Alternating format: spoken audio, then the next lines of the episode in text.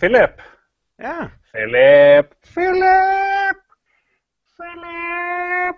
Bros, bros, bros. I dag er det Du vet du er invitert hit for å snakke om PewDiePie. Svaret er ja. Du vet at du skal snakke om PewDiePie? Jeg hadde håpet det. Du ødela jo alt. Du skulle si nei. Å, beklager. Ja, ja. Er ikke dette høykulturprogrammet?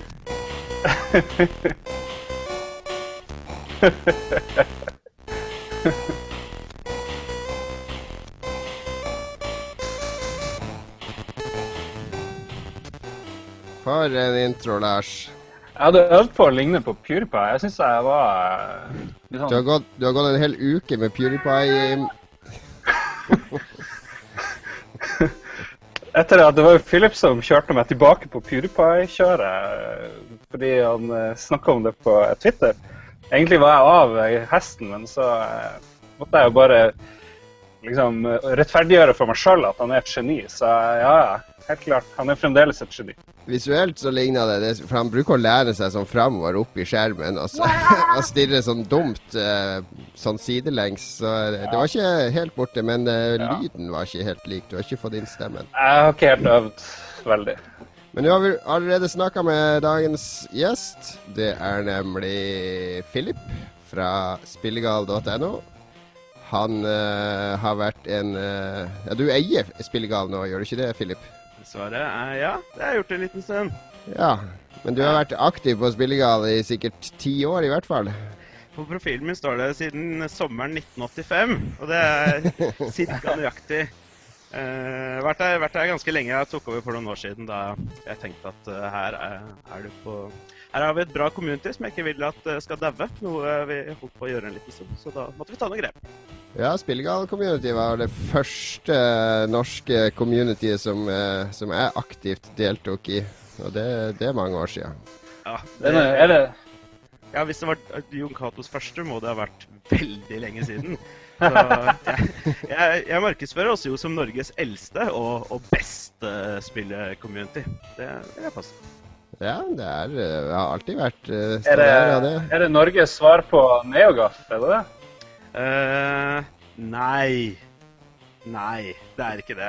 Vi er, uh, vi er noe rimelig unikt, det sier jo selvfølgelig alle sammen. Vi er et spillforum for voksne. Det er jo nok av steder hvor 16-åringene kan snakke om, om TV-spill. Så kan eh, vi eh, som er eh, over 25, De kan henge på spillegall.no. Over 20.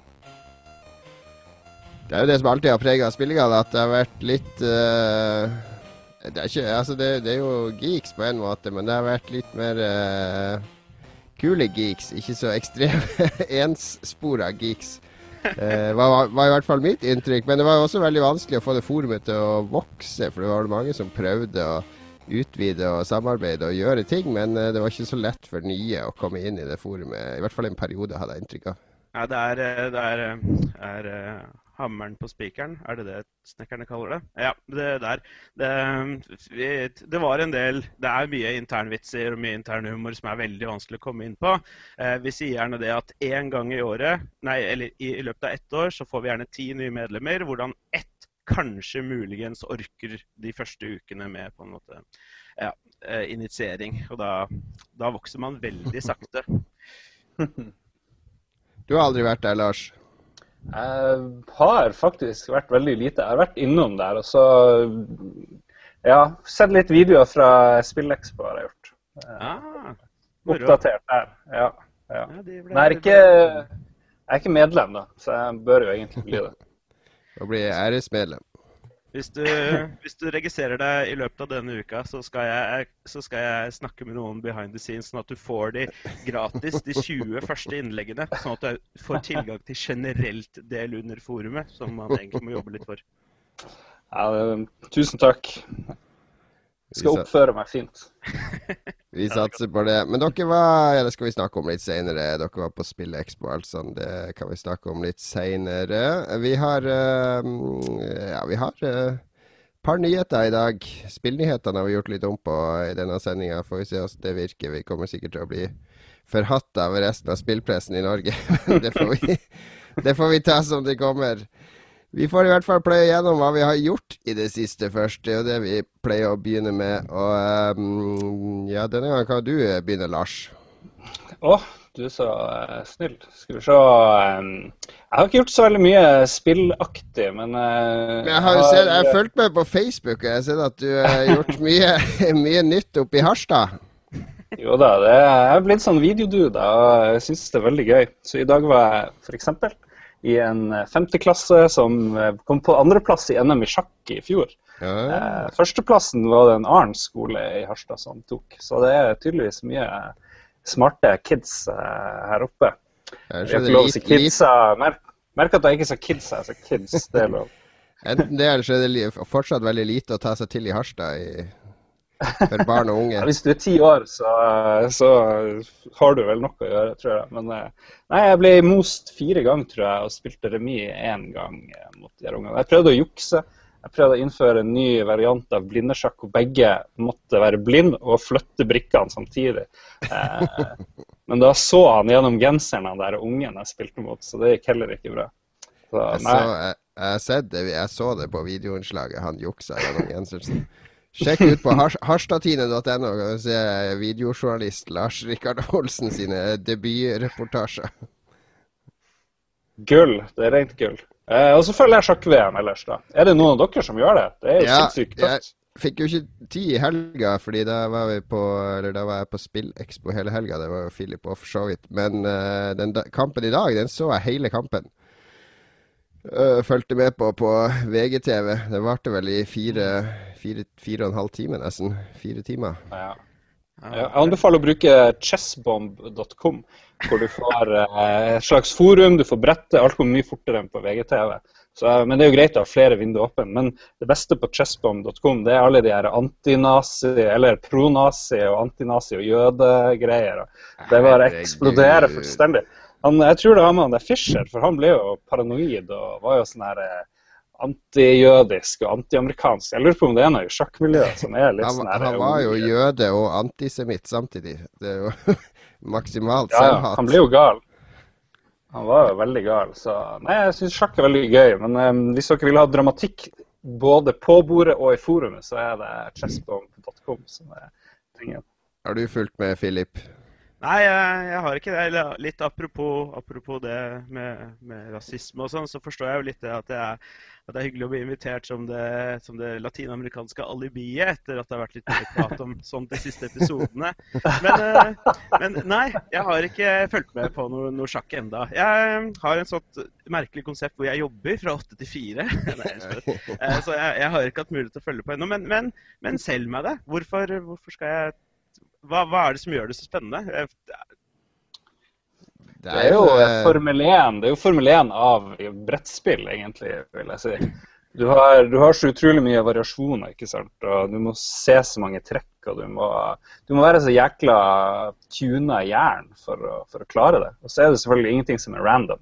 Og det er jo litt morsomt. Men ja, nei, helt hva det er, jeg vet ikke. Det er litt sånn glamour. Jeg, når jeg tenker sjakk, ser jeg for meg sånne store sånne eh, flotte ballsaler med sånn folk i dress og folk som sitter og røyker sigar, og så driver de og flytter litt på et eh, brett og sånn. Det er jeg vet ikke. Litt sånn viktoriansk eh, romantikk. eh, Altså, det det er, jo- du er jo helt på jordet. Det er jo ikke det det handler om i det hele tatt. Har du vært i New York, så kan du gå i den der, jeg tror det er Washington Park, og så sitter den ene etter andre fattige gamlingen og høsler med sjakkbrettene sine. Det er det som er den ekte sjakken. Altså, det er å høsle og det er å være smart. Men det som fenger for meg med sjakken, det er jo at hvis du ser Champions League-finalen eller et eller annet, så vet jeg at det der er helt uoppnåelig for meg. Altså, Jeg kommer aldri til å spille fotball på det nivået. Jeg kommer aldri til å bli så flink. Eller, Men sjakk-VM, det er Ja, men sjakk, det er, det er ikke noe fysisk i det. det handler, altså, jeg kan gjøre akkurat de samme trekkene som Magnus Carlsen. Jeg kan komme på akkurat de samme trekkene, men jeg har jo ikke den enorme kapasiteten og den erfaringa og den uh, hukommelsen og den intelligensen som, som Magnus Carlsen har. Men å spille det partiet han gjør Jeg kan spille akkurat det samme partiet. Kan, eh, pluss at det er, det er veldig lærerikt å se det, fordi at du kan bruke når jeg sitter og ser det, så ser jeg han uh, hører på han, uh, Hans Olav Lahlum og, og han andre sjakkduden analysere trekkene og sier hva han også kunne gjort, og hvorfor han ikke gjorde det, og ditt og datt, så ser jeg at eh, jeg spiller ikke veldig mye sjakk, men da, jeg, da plukker jeg opp ting som jeg kan ta med meg i mitt spill. ikke sant? Så at det har en direkte påvirkning på, på mitt eget sjakkspill å, å se på det. Ja, Det maker jo for så vidt sens. Og hvis du får deg til å føle noe bedre, så er han sikkert veldig dårlig til å skrive spilleanmeldelser. ja, nei, det er, men det er jo et eller annet. Det er veldig mye historie. ikke sant? Og, men samtidig så har du det at alle kan gjøre det, sånn som Jon eh, prøver å si med det her at folk sitter ute på gata i New York.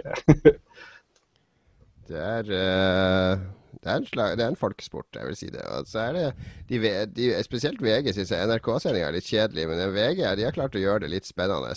Og De har også livebrett som blir oppdatert umiddelbart. Men han, uh, han Lahlum klarer jo å gjøre alt spennende, syns jeg. da, så det, så det er kupp at de har dratt inn han. Jeg så jo bare, jeg må nevne det, det ble diskutert litt på Twitter i dag at nå som det er såpass mye dekning av sjakkspill på høyt nivå, når, hvor blir da e-sportdekninga vår? Ja, den, eh, det var jo en diskusjon der med, med, Rune Haakonsen og et par andre. Altså NRK har jo prøvd et par ganger. Eh, de hadde jo Battlefield 2-kamper for seks-syv år siden, når det så vidt var kapasitet til å streame noe som helst. Da satt de live i studio og kommenterte kamper og, og sendte på nett. og Det var ganske eksperimentelt da, men, uh, men uh, det er jo noen ildsjeler tror jeg, i NRK som må dra det i gang. Jeg tror Rune er en av de som, som jobber med å få et eller annet opp og frem. Mm. Men det så vi jo på SpillExpo Vi kan jo gå direkte over på det der, for det er vel det jeg og Philip har gjort i det siste. Vi har vært tre dager på SpillExpo og Philip var jo rett foran en e-sportscene. Og det var jo ganske stort, det som var der da. Det var det definitivt. Uh, det så alt jeg si, Oskar kommer litt tilbake til angående disse, hvilke spill som har vært viktige i det siste. Um, uh, E-sport er blitt ganske stort, spesielt kanskje disse uh, Moba-spillene. Uh, League of mm. Legends. gigantisk der ute. De er kjempestort. Det er, blir større og større for hvert år. Samtidig så har det e-sportmiljøet i Norge blitt mye proffere. Altså det, det klarer å kommunisere på en måte som vanlige journalister begynner å forstå. Mm. Fordi Før så var det bare kaos av meldinger og turneringer og ante ikke hva som var eller hvem som var, og så en hel masse drama og umodne spillere og sånn. Men nå oppdrar de jo spillerne, og spillerne er mye proffere og blir bedre. Jeg tror kanskje litt av problemet er at sikkert veldig mange som driver med e-sport, er veldig unge. Og du må nesten ha en Det må komme en eller annen gang en profil, en veldig karismatisk profil. En Bjørn Borg eller uh, Schumacher eller et eller annet som kan menneskeliggjøre denne sporten liksom, og, og, vise hva som skjer. Og da må man kanskje Ja, jeg vet ikke. Unge, veldig unge mennesker er jo ikke så veldig interessante i seg sjøl ofte. Så det må, det må kanskje vokse litt og modnes litt på mange måter, akkurat det her. Men det er også en forståelse for hva de gjør som må til. ikke sant? Fordi For de fleste som ser LOL eller Dota, de skjønner jo ikke bæret av hva som skjer på den skjermen. Og de klarer ikke å skille en bra prestasjon fra en dårlig en. Så det må jo en slags utdanning til. Ja, Du er litt inne på noe der. Det er jo litt interessant hvordan disse casterne har blitt så populære. Altså eh, disse kommentatorene av e-sport. Eh, og der syns jeg noen av de gjør en veldig god jobb med nettopp det å formidle eh, det som skjer på skjermen. Ikke bare på en måte som gjør det enda mer spennende å følge, på, følge med på, men også på en måte som kan gjøre det forståelig for, for oss andre. Eh, jeg har spilt noen minimale runder med Dota 2, og jeg er eks eksepsjonelt dårlig enn så lenge. Men eh, det var likevel morsomt å følge med på, på League of Legends-turneringa. på den steinen var som sagt ikke så langt unna, så det er morsomt å se oppslutninga. Veldig gøy. Det er litt parallelt til, til sjakksendinga til VG, det, fordi det der er det jo Lahlum som, som er caster og klarer å gjøre det sånn forståelig for alle. Men det er også interessant det du sier der, det glir vi sånn helt naturlig over i Hva er det du driver med nå, Lars? Jeg fikk en pose Candy, Candy King. Flott for det. ja, da glir vi naturlig over i uh, det at de kommentatorene er veldig populære, fordi det var noe som jeg ble lettere sjokkert over på SpillExpo, for jeg var jo der i fjor, og da hadde jeg sånn spill.no-stand. og da var jeg ganske anonym. Jeg tusla rundt på messa. Jeg møtte et par karer hver dag som kjente meg igjen, og som skulle ha fistbump eller et eller annet. Mens på årets Spillexpo, så kunne jeg ikke gå over denne salen uten å bli stoppa fire-fem ganger, og folk skulle ta bilde, og de skulle ha autografer, og det var helt uh, Det var vilt. Det er fordi jeg har vært med i Level Up på VG, da. Det var enda verre for han Rune og han Carl. Men det, det som jeg syns er sånn uh, Altså, vi gjør Vi sitter jo bare og kommenterer og fjåser. og vi, Det er jo ikke vi som lager spillene. Det er jo alle de her indie-folkene og Ragnar Tørnquist når han var der og sånn. Det er de som skal bli omringa og bli bedt om autografer, og som skal, skal hylles. For er jo, jeg og Rune og du, Lars, er jo var en del av det Thomas Seltzer kalte for kommentarsamfunnet. Altså, vi, vi, sitter jo bare her og kommenterer, og skaper jo ingenting. Ja, men det går jo tilbake. Jeg er veldig enig med det dere sier om de her casterne og, og den her greia de. Men det er jo de som synes, de man kjenner, og de som har litt personlighet, som blir populære. Og det, der må de her e-sportsfolkene finne på noe, noe lurt, tenker jeg. Ja. Jeg tror Lars, Lars, var så vidt litt eh, inne på det i stad. Og jeg syns også det var utrolig irriterende å ikke kunne gå en halv meter på SpillExpo og få en BH i ansiktet. Men eh, det, det, det, som, det som, er med, med, med, sånn som deg, da, Jon Cato og, og, Rune og, og Carl i VGTV i veldig stor grad nå, er at dere, dere eh, for meg òg, som er eksepsjonelt ung i relasjon til noen andre på podkasten. Så eh, dere har vært rundt lenge, da. Eh, vi andre vi kommer fra et sted. Det er en, eh, spill er en interesse for oss. Det er gøy å drive med, og er, noen av oss er mer entusiastiske enn andre. Og så, og så er det noen som leder foran. Eh, Lars var litt inne på det i stad. Å ha noen mennesker i, i miljøet som, som, stikker seg fram, og som, som, man på en måte kan, kan se litt opp til. Eh, og kanskje det da etter hvert fører til at man får et, et enda sunnere forhold til spill, ettersom man har litt ålreite rollemodeller. Og etter hvert så begynner man å interessere seg mer for også det som foregår bak kulissene. da, Hvem som står bak hva, og begynner å titte på Følger Ragnar Tørnquist på Twitter i, i stedet for oss. Ja, ja nei, det, jeg håper jo det. Altså, det, var, det var kjempehyggelig den helga. Men nå vet jeg hvordan sånne A-kjendiser har det når de går på gata. fordi det var liksom uansett hvor jeg gikk, så sto folk og stirra på meg sånn fra sida og, og, pekte. Og det var veldig var artig, men i en liten dose. Men det mest rørende var når det kom en sånn tiårig kid og dro opp en perm, da, og så tok han opp en sånn der eh, Som han hadde tegna til meg. Altså Jon Cato fanfiction? Ja, han hadde tegna den her til meg, som han hadde tegna hjemme og tatt med og skulle gi til meg. Skal du holde i handa da? Hmm? Det ser ut som du holdt noe i handa på den tegninga. Jeg vet ikke hva det er. Nei, det er en, en, en knyttneve. Jeg er nok ute og kjemper. Jeg, jeg holder en, eh, en, PlayStation 4, faktisk. Uh, det sa du ikke før nå. Ute og flyr med en PlayStation 4. Du, du, gjorde ikke sånn som, eh, du gjorde ikke sånn som han der um, i uh, På IGN, han der mest kjente duden deres. Hva han heter for noe igjen? Uh, ja, ja. Han var på SpillExpo og måtte skrive skrive autograf, men han tegna bare et hakekors, eller hva det ble stor, ble stor Fordi ungen mente han var en arn, da. Og så bare nekta han å gi seg, den ungen. Så til slutt så bare OK, da signaturen min blir hakekors. Og så ble det selvfølgelig sånn jødebråk og greier. Nei, det, det jeg, jeg, jeg, gjorde ikke det, Lars. Men uh, jeg gjorde uh, Carl og jeg signerte en sånn bok da, til en kid, og Carl skrev sånn her uh, Han het Philip, faktisk. det var Philip som skulle ha autograf, så så Carl skrev sånn her 'Philip er kul', og sånn hilsen Carl. Og så var det min tur å skrive. Så jeg skrev 'Husk å gjøre lekser og ikke bare spille'. Hilsen Jon Cato. For jeg måtte ta på meg gammelmannsrollen min. jeg lurer på hvem som er kulest av deg og, deg og Carl. Ja.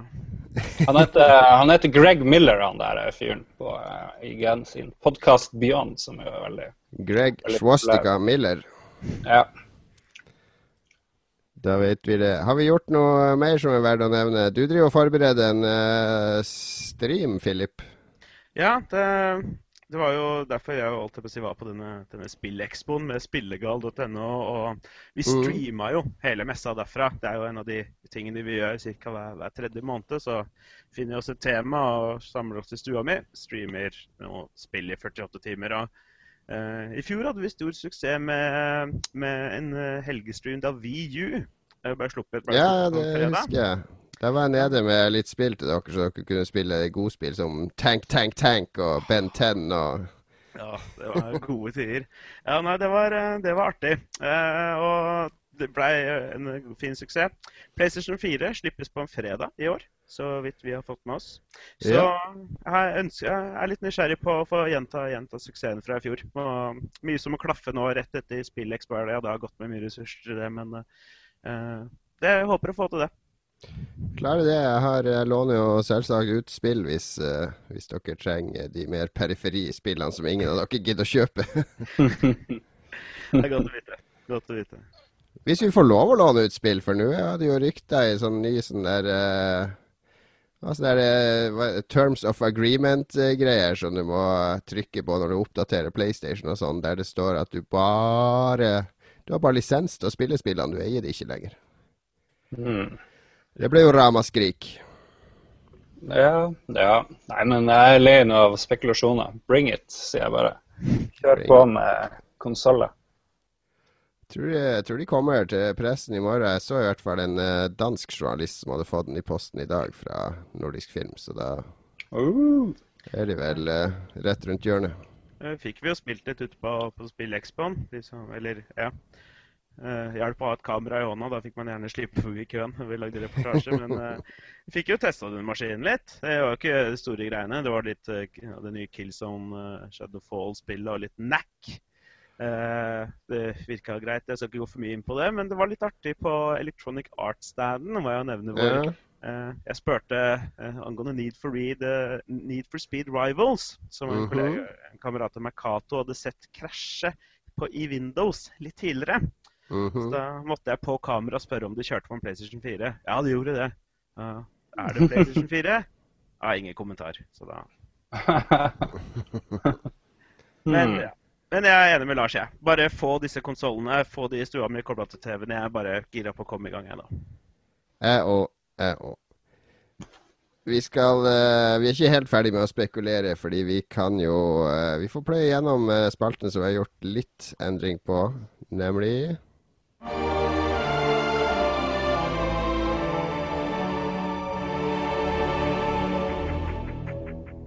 Vår nyhetsspalte.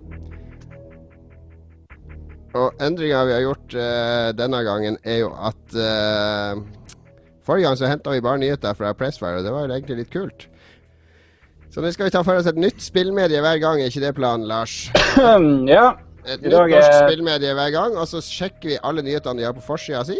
Tar, uh, snakker litt om de mest interessante, og så kan vi komme med et terningkast. Hvor bra nyhetsdekning hadde den og den spillsida i dag? Nå skal vi bli upopulære. Nei, men det er, jo, det er jo like Det er jo nyhetsbildet vi gir terningkast til, egentlig, da. Fordi det står jo stort sett det samme på alle de her spillsidene. Ja, Vi må jo lese opp navnene på de som har lagd det her. Skal vi se eh, Var det yeah. Game Reactor i dag? Nei, det var gamer.no gamer i dag. Gamer.no, da er jeg på feil side. Skal vi se.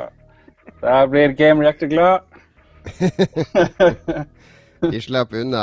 Her er sånn spad. Nå er vi uh, spillpressens vaktbikkje. Vi er ute og uh, sjekker. Skal vi se, på gamer.no, det første der, så er det jo en uh, anmeldelse, så det er jo ikke noe verdt å snakke om. Men så har de en sak om 'Slik fungerer trofeer på PlayStation 4'.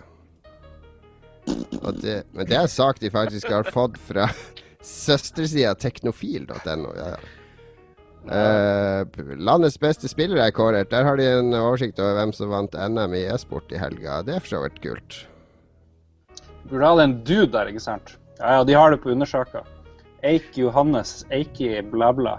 Norgesmester i Starcraft 2. Det, jeg vil vite om de er folkene. Det, ja, go for it. Han er sikkert kjempeflink, men det angående det trofeet PlayStation 4, var det Xbox uh, achievements. Det gikk noen rykter om at man ville få achievements for å f.eks. se en hel sesong av noe på f.eks. Netflix. Ja, det er sånn TV-achievements på den. TV- og film-achievements. Ah, som om jeg ikke kunne bry meg mindre om trophies og achievements fra før. Jeg bryr meg litt om achievements. Jeg vet ikke hvorfor, men eller jeg gjorde det. Nå blir det outa at du sitter og ser på Grace Anatomy og sånn for achievement. For cried Altså, Kinect-kamera ser om du gråter også. Cried during Grace Anatomy. Fem poeng. jerked off during uh, Cruel Intentions 2. Det er. Er det uendelige muligheter? Ok, En, en annen nyhet her på, på uh, gamer.no er at populære FTL får oppgradering. Det er Joakim Froholt som har skrevet. Og det er kjempe... Altså, har dere spilt FTL, begge dere to? Ja. Det var altfor vanskelig for meg. Jeg er altfor soft for det der. der. Jeg, jeg ut. sp- jeg spilte jeg har over 20 timer, tror jeg. jeg spilte. Det er kjempe, kjempeartig spill. Jeg, jeg elsker det rogue-elementet med at det blir nytt spill hver gang du spiller det. Nye ruter. Må gjøre nye valg. eh. Er Kjempeartig. Så jeg ser veldig frem til en oppfølger. Og den store nyheten i Eller utvidelse er jo at han der eh, Chris Avalon. Johnny's Lost. Han er det, vet du. Chris Avalon, som tidligere har jobbet på Planescape Torment og ikke minst undervurderte Champions of Noreth til eh, PlayStation 2. Eh, har vært med og skrevet eh, historie til, eh, til, i det spillet. Så det kan jo bli artig. Eh, jeg Ja, okay. spilte ikke originalen. Jeg, hadde ikke en, jeg spilte fortsatt på Mac på den tida, men nå kommer det jo på iPad. Mhm. Og Ja. Da får jeg opp håpet litt igjen. holdt jeg på å si, at Da, lurer jeg på om jeg skal plukke det opp der og spille det. Du ser at eh, gamer finner ut at jeg har eh, på adblocker, og det er jo noe som ikke er med vilje i det hele tatt. da. Eh, så det må jeg skru av. Det var bra. Skru på annonser, så slutter de å kla klage på meg. Beklager gamer.no, jeg skal skru på annonser med en gang. Jon, du datt ut! Er du back in Ja, nå Ja, nå er jeg tilbake. Jeg vet, ikke. Jeg vet ikke helt når jeg datt ut, men vi får bare fikse det i redigeringa. redigeringen. Nei, men vi klarte oss uh, fint, altså. Det går bra. Hvordan skrur man av adblocker? Jeg må uh, gi penger til, uh, til gamer.no. Du må tror- bruke Internett Explorer. Ah, det nå er den av. I did it. Jeg tror, jeg tror også du kan eh, betale De har en betalingsløsning, tror jeg, 29 eller 39 kroner i måneden. Så får du uten annonser. Det er et ganske stort tema å gå inn på hvis vi først skal gjøre det, føler jeg. Vi lar det ligge. Vi lar det jeg det ligge. kanskje det. Ja, men jeg har i hvert fall dårlig oppmerksom for dårlig eh, hva det heter, samvittighet hver gang jeg skjønner at jeg har den her adblocker på. For den er liksom på alle mine Chrome, eh, eller jeg vet ikke hva, hva det er for noe. Men eh, ja. Det, det er jeg som lever av eh, annonser, det er jo Jo, men Som journalist også, Lars, så er det jo interessant å se hva som annonseres, og ikke minst finne Ja, ja, upassende annonser. Og eh, når redaksjonelt innhold blandes med annonsemateriale, Mm. så du kan jo ikke ha adblogger på i yrket Ja. ditt. Nå kan jeg endelig se reklamen fra Dustin Home. Hva nå enn det er for noe. Ok, mer nyheter. De har eh, Humble Bundle lanserer fast butikk. Det er jo også en hyggelig sak for alle som spiller på PC. Dessverre ikke fullstendig DRM-fritt, som mange håper på. Å nei, ja ja. Men Noe med eh, og noe uten, visstnok. Mm. det er sikkert de som lager spillene som kan bestemme, da. Dessverre. Og så er det nyheter om at uh, DayZ trenger bedre ytelse. Kommer jo aldri til å komme, der, DayZ. Når du begynner å gå på Mount Everest midt i utviklingstida, så vet du at du er dritlei av å lage det spillet som alle venter på. Altså, det, du, kan, du klarer ikke å rømme fra alle som maser mer enn å gå på Mount Everest. Da må du dykke ned i Marianegropa, det eneste som topper det, liksom. Nei, det er for å ta litt pause, herregud. Det må være dritkjedelig å sitte og kode spill. Alle jeg snakka med som koder spill, det høres jo helt forferdelig ut, egentlig. Så ja. Ta masse pauser. OK, OK. Neste sak. Vi trenger hjelp til å lage et enda bedre forum. Ja, det er bare å se på spillegal.no, så bare litt inspirasjon der, så Gratis hjelp, vær så god. Faktura i posten. Skal vi Eh. oppsummere, skal vi oppsummere hittil her på gamer.no? Jeg syns det ser fint ut. Jeg synes det ser fint ut generelt. bra layout. Men eh, ja, det er jo ikke deres skyld at det er litt kjedelige nyheter, men eh, Ja, men jeg syns det er helt greie nyheter, egentlig. Det er ikke eh, er det noe de har laga sjøl, liksom? Ja, ja. Er det noe ordentlig egenprodusert? Ja, den landets beste spillere er jo Ja. egenprodusert. Ja, det er bra. Den er god. Hvis du blar litt ned, så, så har de jo en artikkel om, eh, om Warcraft-filmen. Og det er det jo noen av oss som, som setter, setter pris på fra helgens Ja, BlizzCon. det er, de er faktisk ekstremt mange Blizzard-nyheter nedover, men det er jo i kjølvannet av BlizzCon, ser jeg. Ja, ja. Har de noe folk som kommenterer ting og liksom skriver noe redaksjonelt? Kommer med meninger og sånne ting? Jeg tror de har eh, redaksjonelle blogger, er liksom det de har. Ikke sånn der eh, Sånn som jeg bruker å raljere i Aftenposten og på Trollolol og, og sånt. Ja, det må de få. Ja, men skal vi Det holder sikkert med nyheter for denne gangen. Det er ikke så Ja. veldig mye som skjer nå. Alle går jo rundt, og ingen som tør å gjøre noe sånn lanseringsuka til PS4 i USA. Det er jo alt, alt rukner jo i PS4-saker uansett hva du gjør, så. Terningkast, Lars. Terningkast eh, på en skala fra 1 til 42, så reduserer jeg den til 6. Og gir terningkast eh, Jeg vet ikke. fire? Helt grei fire her. Eller skal vi gi tre? Skal vi gi 3? Ja, vi Altfor lite hver- egne greier. Vi gir hver for oss, akkurat som i gamle EGM. Så, så Altfor lite egne gir. Ja, men jeg gir en uh, firer. De har dekket e-sport-tingene som skjedde i helga. De har uh, fått med seg FTL. De har litt PC-fokus på nyhetene, og det liker jeg. Det er altfor lett å plukke konsollsaker. PC-saker er litt vanskeligere å skrive, vil jeg påstå. Så en firer. De prøver hardt. Mm, ja, OK, da. Greit. Philip. Av meg får de en sekser på en D12. Ganske nøyaktig. er rettferdig. Rettferdig. Og det var det vi hadde av uh, nyheter denne gangen.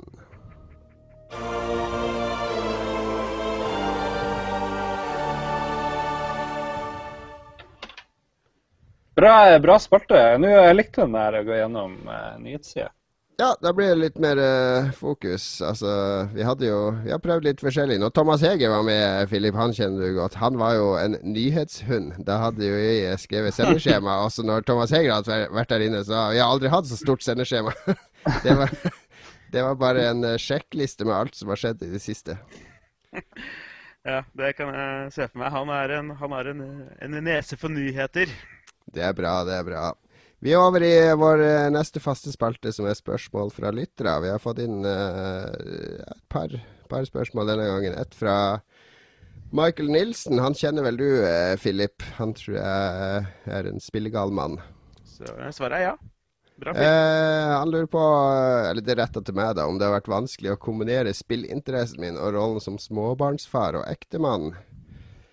Ja, nei, eh, vanskelig Altså, det er jo Som jeg sa, så er det jo vanskelig å eh, spille disse veldig lange spillene, fordi du må jo stenge Du stenger jo ute omverdenen når du spiller, ikke sant? Det krever jo både kroppen din, eh, oppmerksomheten din, lyd. Du, du blir jo sittende i din egen verden. Det er mye lettere å lese en bok når du har ungene i rommet, eller høre på litt musikk i bakgrunnen, eller se på en TV-serie i bakgrunnen mens ungene er der. Men spill krever litt mer dedikasjon. Så at eh, ja, det er faktisk eh, litt vanskelig å kombinere de interessene. Men eh, man har jo fritid, og man må jo prioritere hva man gjør på fritida. Og selv om man eh, Jeg har fått mail fra noen som, som var som, ikke, som hadde kjærester da, som mente at uh, spillinga bare var tull. da, Som ikke fikk lov til å drive med det som hobby lenger. Og som lurte på om jeg hadde noen tips. Og det, det, det er jo en helt håpløs situasjon å være i. Altså, du må jo få lov til å holde på med det du har lyst til på din egen fritid, og du må jo respektere at partneren din også har egne interesser.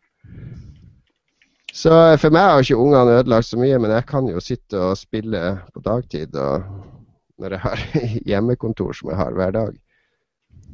Men hadde, hadde jeg ikke hatt det, så tror jeg nok jeg hadde spilt mye mindre enn jeg, jeg har anledning til å gjøre nå. Kjærlighets- og råd om forhold får du fra Frydenlund og Jon Cato Lorentzen. Men eh, sånn som Philip spiller. altså Du spiller jo WoW. Og det er et sånt spill som jeg gjerne skulle spilt, men jeg kan ikke. altså Jeg, må stoppe. Jeg har spilt WoW til level 30 og sånn, men det skal du over der, ikke sant, så må du inn i gruppe for at det skal være morsomt, og du må drive med litt større rides og sånne ting. Og det, det blir for ressurskrevende. Ja, det er jo gjerne det World of Warcraft er jo Det er, er mulig å kose seg med World of Warcraft i små doser, men uh, i uh, MMO-er flest så er det jo først på, på maks level at det blir, blir ordentlig moro. At eh, man får se store deler av det som er brukt mye ressurser fra utviklernes side fra å lage. Uh, men i den nye utvidelsespakka får du en gratis level 90 character med en gang du kjøper den. Så det er jo en liten snarvei til toppen. Mm, men sånn avslutningsvis så kan jeg si at den, det er sånn at gresset alltid har veldig høy stemme, eller? Nei da. Okay. Det er sånn at gresset er alltid grønnere på den andre sida, fordi når jeg har F.eks. hvis kona har tatt med ungene eh, på hytta en helg og egentlig har hele helga fri, og tenker at nå skal jeg endelig få spilt det og det og det, og det, og det. Så ender jeg ikke opp med å spille en dritt. Jeg ender opp med å sitte og se Star Trek Original Series mens jeg drikker øl, og så sitte på Twitter og, og eh, Altså, Da gidder jeg ikke å spille på en måte når jeg har anledninger til det, men når det står på så fullt og med unger og fritidsaktiviteter, og jeg ser at okay, nå klokka ti i kveld så har jeg tid for meg sjøl, og jeg skulle, skulle, ønske at alle ungene var lagt seg nå, og at alt var fred og ro, så jeg kunne sette meg ned og spille. Det er da, det er da du føler suget etter å spille, men når du har anledning, så forsvinner plutselig suget. Så det er et sånn paradoks. Så eh, selv om du tror at du ikke får forfulgt spillinteressen din, så kan det kanskje være sånn at det bare føles sånn fordi at du blir forhindra fra å, å gjøre det. Livsvisdommen slutter ikke å komme i kveld, folkens. Hvis det hang på greip. Har, jo da, det høres fornuftig ut, Jon. Det gjør det. Nei, og Hvis du spør meg, så hvis du først klarer å pådra deg dame og barn, så spiller du ikke nok i utgangspunktet. det kan, eh, kan, være. Vi har uh, Thomas Heger. Han er jo uh, fast spørsmålsstiller. Han har mange spørsmål. Vi har alltid svart han. Denne gangen vil han vite uh, de fem viktigste spillene denne generasjonen. Ja, det er heavy. Heavy shit. Omfattende. Dere som uh, har noen fornuftige svar, får begynne. Jeg har, jeg har nekta å svare på det. Uh, og vil heller fokusere på de spillene som har skuffa meg mest siste generasjon. Jeg har jo eh, jeg har tatt et sånn ekstremt sånn politisk korrekt eh, forsøk på objektivt svar med ikke nødvendigvis de beste spillene, men spill som har eh, vært viktige milepæler, da. Som jeg går ut fra det er det han er ute etter. Ja Og der har jeg jo selvfølgelig Angry Birds, som eh, åpna opp et helt nytt marked for eh, millioner av uh, folk som trodde de bare var å kopiere den suksessen. Og så har du Men vet du, det er jo så utrolig mange folk som hater Angry Birds. Hvorfor er det, hvorfor hater folk Angry Birds? Jeg har liksom ikke skjønt det. Jeg synes det, det er jo et vanvittig vellykka spill. Og så er det liksom noen snobber som mener at jeg vet ikke, det er for lite skyting, eller Jeg skjønner ikke helt greia. Hva er galt med Angry Birds, liksom? Er det som et band? Altså, alle digga jo U2 når de var små og indie. og up and coming, og nå skal, skal, jo alle hate YouTube, ikke sant? Så går det jo litt på det, dette casual-konseptet òg. Det er casual gamere. og eh, eh, De som bare spiller Call of Duty og Fifa, de er jo liksom ordentlig casual gamere. Mens disse som kun spiller Angry Birds igjen, det er det er langt nede på rangstigen da, for oss ekte gamere. Ja, ja, altså klubben blir for stor, så man er ikke eksklusiv nok, liksom. Det er det. Ja, jo, jeg kan skjønne det, da, men ja. Det blir jo det. altså Jeg tok T-banen til, til, jobb i, når Angry Birds var på topp, og der satt jo, satt jo mødre på annenhver plass og spilte Angry Birds på mobilen sin. Mm. Det er som pensjonister som satt og titta på hverandre. Ja, ja, ja. Det var, alle spilte det jo, og da, da er det jo ikke kult lenger, ikke sant? Ja vel. Jeg, jeg er vel ekstra provosert siden jeg kom på fjerdeplass på Angry Birds eh, gratisversjon før den ble hacka. Så det, synes, det tok meg jo eh, jeg vet ikke, et par måneder med, med sånn spilling på do og litt sånn rundt omkring. Men jeg var tusen kompiser som var nummer syv i verden. Han mente jeg kunne aldri klare det. Og det var vel 11, 11 millioner på den topplista etter hvert. Så ja, litt skill var det faktisk eh, på det der.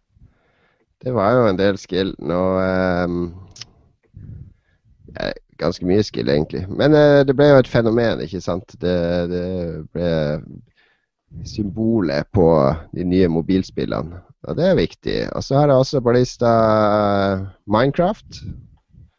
Som uh, selvfølgelig var et symbol på hva én mann kan utrette og kan skape for, for en sensasjon.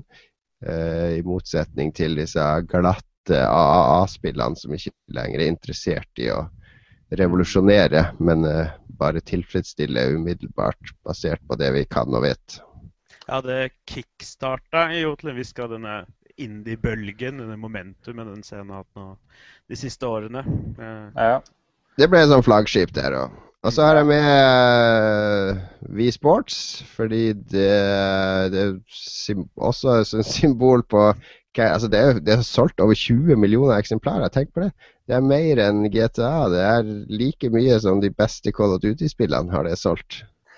Er det ikke 50 millioner eller noe sånt? Men da er vel gratisversjonene tatt med? Ja, ja, det er de 50 det er, Ja. ja. Uh, Sports ja, Jeg tenkte jo like mye på WeFit når jeg skrev WeSports. da WeFit, WeSports, altså de er nye De spillene som egentlig ikke var spill, men mer bare lek, som Nintendo kom med. Som uh, Igjen så var det å gjøre ting til sånn allemannssport, men også virkelig innovere med måten du spilte på. Så det syns jeg var ekstremt viktig, og det har påvirka sjangeren masse. Det finnes masse treningsspill nå. Et av de største Xbox One-lanseringstitlene er jo sånn treningsspill, så de fokuserer veldig mye på. Fordi det er noe som selger til, eh, til mødre og, og, menn som har lyst til å komme i form. Og om det funker, vet jeg ikke, men uh, jeg har ikke blitt så veldig tynn av å spille WeFit. Nei, vi er vel noen millioner i den kategorien. Altså her er med League of Legends, fordi det, det er jo hele den Moba-bølgen. Det er jo den mest populære PC-spillsjangeren nå. Og så er det med Dark Souls. Og det er ikke fordi at jeg elsker Dark Souls, men det er fordi at den online-modusen i Dark Souls er Jeg, jeg mener jeg, vi kommer til å se spill som Eller de har sett spill som drar litt i de samme trådene der. Fordi inntil Dark Souls kom, så online-modus var jo bare deathmatch. Uansett hva du lagde, så var det bare deathmatch. Eller å lage brett og dele de. Og med Dark Souls det, det var sånn online-modus som jeg ikke skjønte noe av sjøl når jeg spilte Demon Souls. Altså det, jeg fatta ikke Hæ? Er det her virkelig en annen spiller som kom inn nå og drepte meg bare fordi at jeg hadde restora min humanity? Hvordan, hvordan, hvordan, kan jeg reservere meg mot det? Nei, det kan du ikke. Hæ? altså, det var, det var sånn totalt uh, nådeløst, men samtidig så uh, genialt. Det hang bare så på greip. Og at uh, jeg syns det var det var så fantastisk innovativ bruk av, av, en modus som Online er jo så utforska. Altså, bruk det mye mer. Tenk i nye baner der. For det går an å gjøre utrolig mye med, med online-biter til spill som ikke trenger å være deathmatch eller uh, Counter-Strike eller whatever. Det var sikkert en av gutta fra Spillegal også som invaderte der. Uh, ellers så, så, er jeg helt enig, enig angående Dark Souls. Jeg syns også dere har en enorm mestringsfølelse som du nærmest ikke finner i, i, i noen andre spill, eh, så er det godt å se at du kan ta og ta et spill i dag med, som er et trippel A-spill, altså et storspill, holdt jeg på å si, en stor produksjon, og gjøre det ordentlig vanskelig, men likevel få en suksess av det. Det er for mange, eller ikke for mange, det er mange av dagens spillopplevelser som er veldig strømlinjeforma. Det er regenererende helse, og det skal være greit å komme seg gjennom korte spillopplevelser. Og godt å se at noen tar sjansen på noe litt mer omfattende og utfordrende, og, og lykkes. Det blir litt sånn som Monster Hunter for meg, det der eh, spillene der. altså. Det blir altfor mye å sette seg inn i. Det krever altfor mye. Men Da, da går jeg heller til, eh, til det neste Angry Birds, for å si det sånn. ja, men det er helt fair, det. Men det som er kult, er jo at det kom jo akkurat i den tida der når Nintendo og Sony og andre snakka om at uh, at det er bare 20% av de som kjøper et spill som ser slutten, og det må vi gjøre noe med. Så at Nintendo begynte med det fjåset med at hvis du misser tre ganger eller fem ganger, så får du sånne super power-ups så du bare kan løpe gjennom brettet, eller Luigi kommer og tar over for det. Mm. Er det noe sånt tull? Og så kom de der uh, From Software og sa bare fuck you, altså. Hvis du, ikke, hvis du ikke bruker 50 timer på å lære deg det her, så fortjener du ikke å se slutten. Så det, jeg syns det var en veldig fin motpol til den nye eh, soft-bevegelsen som invaderte spillene da. Ja.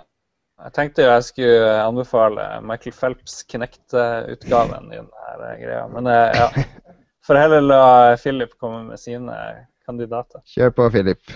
Jeg hadde også lyst til å, veldig lyst til å ta Dark Souls av overnevnte grunner. Eh, jeg har plukka fram noen. Jeg, ellers er jeg fint enig i de politisk korrekte til Jon Cato. Eh, Portal 1 slash 2 syns jeg nærmest må nevnes. Eh, hvordan du kan ta et spill med så utrolig enkel funksjonalitet og gjøre det så omfattende, det er, eh, det er imponerende. Og det mimrer litt tilbake til en enklere tid da, knappene, da kontrollene hadde to knapper og en D-pad. og eh, Spillene var basert på, på, enklere funksjonalitet, men fortsatt var, var omfattende opplevelser. Og det, ikke, ja, altså, historiefortellinga, eh, humoren Det er så mye som kan trekkes frem Mm. spillet. Ja, nei, Portal 2 er vel en av mine favorittspill i denne generasjonen. Absolutt. Mm. Ja, det er eh, kjempekule, kjempekule spill. Viktig. Er det eh, Netflix. Netflix. Jeg vet ikke hva det er nå. Nå, jeg var i England og snakka med uh, Medium, Media Molecule når de lagde Little Big Planet før det kom ut. Han ene der, han Alex Evans, tror jeg han heter. Han jobba jo i Lionhead fra han var, når han var 14 år, så begynte han der. Og uh, jobba med Dungeon Keeper og alle de gamle spillene. Han sa at de lagde en gang en sånn prototype av et spill som Peter Molyneux hadde med seg på E3, der du kunne lage to sånne portaler. da. Så kunne du gå inn i den ene og komme ut av den andre. Men greia i deres spill var at du kunne lage de forskjellige størrelser. da. Så hvis du lagde en portal i din størrelse og en sånn bitte liten portal, så kom du ut som bitte liten. Eller du lagde en stor, så kom du ut som kjempestor. da. Så det var sånn nøkkel til å løse, løse problemene der. Og det ligger faktisk en YouTube-video av den demoen ute. Ja, OK. Så um, det var uh, er kjempegodt konsept, da, fordi problemet er jo å lage et helt spill rundt det enkle konseptet. Og det er jo det Portal klarer å binde det sammen med en dødskul historie som ikke blir direkte fortalt via cutscenes, men der du fyller inn alle, alle tomrommene sjøl. Mm. Unikt. Ja. Jeg ser du har spesielt ett spill på lista di, Philip, som jeg vil jo si absolutt hører hjemme Ja, kanskje flere av dem eh, i lista di. Du har f.eks. World of Warcraft der. Det er jo Ingen liste er jo komplett uten det spillet der. Ja, men det, Nå skjønte ikke jeg hva Thomas mente med denne generasjonen. Da tenkte jeg på den, den konsollgenerasjonen her. Xbox 360, PS3-tida. Fordi World of Warcraft er jo 10-11 år gammelt. Det, da blir det forhenværende generasjon. Jeg- Kom igjen, vi ble sluppet Ja. Europa 2005. I USA 2004. Men, Ja, eh, ja, det er så vidt, så vidt. Ja, så er så vidt. Nei, men eh, nei, for all del. Jeg, jeg måtte fylle ut lista med noe. Jeg syns World of Warcraft er, eh, det er et sånt spill som om mange mange tiår så kommer vi til å huske tilbake på det som en bauta innen MMO-sjangeren. Det har jo Ja, det er regjert hele sin sjanger i ja, ni, snart ti år. Så det var egentlig, egentlig mye det. Uh, Call of Duty Modern Warfare har jeg også på lista. Eh, ikke nødvendigvis et spill som har holdt seg enormt godt sånn, eh, sånn tidens tann, men eh, det, FIFA, det fifafiserte uh, førstepersonskyterne, da. Det strømlinja hele brukeropplevelsen. Uh, satte standarden for multiplayer på konsoll. Er selvfølgelig mye inspirert av, av suksessen Halo har hatt på, på Microsoft-konsollen. Uh, og ikke minst dro krigsspillet opp fra andre verdenskrigsøla som man hadde plaska rundt i, i ja, Ja. titalls spill. ja, herregud, det er et veldig godt poeng. Men nå må vi jo ha det spillet som tar oss videre fra Afghanistan. Det burde jo bli forbudt, egentlig, omgående. Ja, det blir vel eh, blir jo det der eh, Titanfall, det, blir det ikke det? Ja, ja. Store forventninger der. Får vi se neste det. generasjon, da. Hvis vi drepte andre nazister i forrige generasjon, og så drepte vi afghanere i denne, og så drepte vi aliens i neste, og så ja, ninjaer, jeg vet ikke. Ja, ja. Amerikanere. Jeg tror kanskje amerikanere blir de nye skurkene etter hvert. Begynner å bli ganske lei av det, hele greia der. Må ikke du støte bort alle de amerikanske lytterne våre, Lars? Vi er, vi, er, vi er veldig glad i Amerika. Yes, we love you. Love you very much. Thank you. Thank you. Du, eh, du har boikotta lista, Lars. Du har bare tatt i eh, Du har dynka den i ditt negative sinn som vanlig.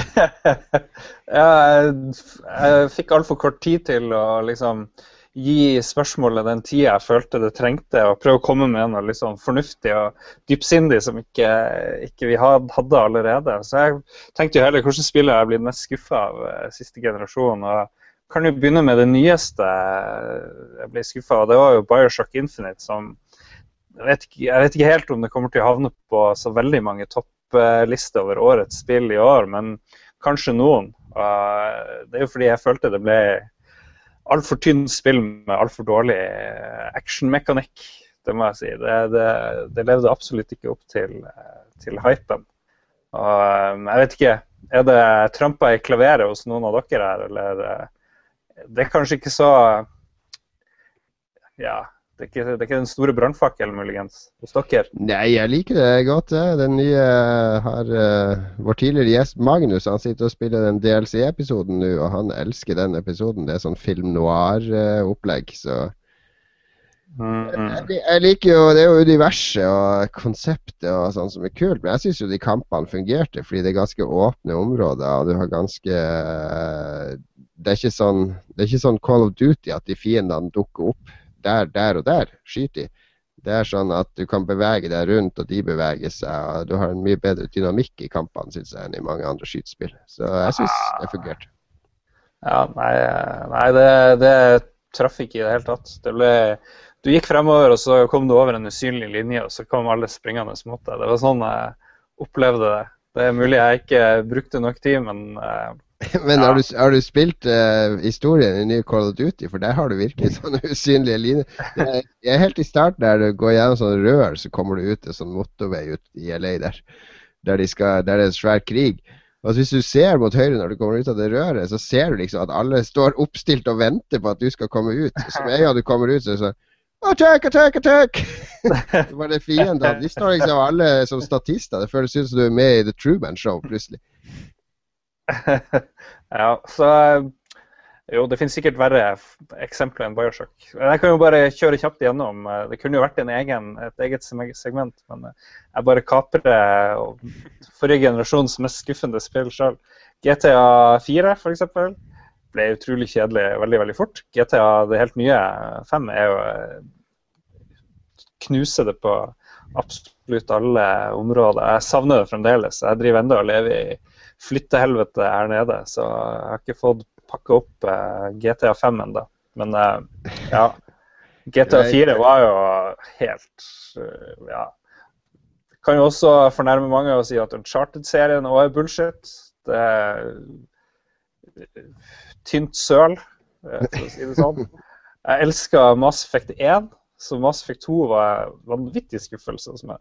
Eh, dybden forsvant helt. og Det virka som noen var dødd og noen andre tok over. Men jeg har vel skjønt at det ikke skjedde sånn, så jeg skjønte ikke helt hva som skjedde mellom de to generasjonene der. Så ja. Jeg teller Uncharted-serien som to, uh, to, spill.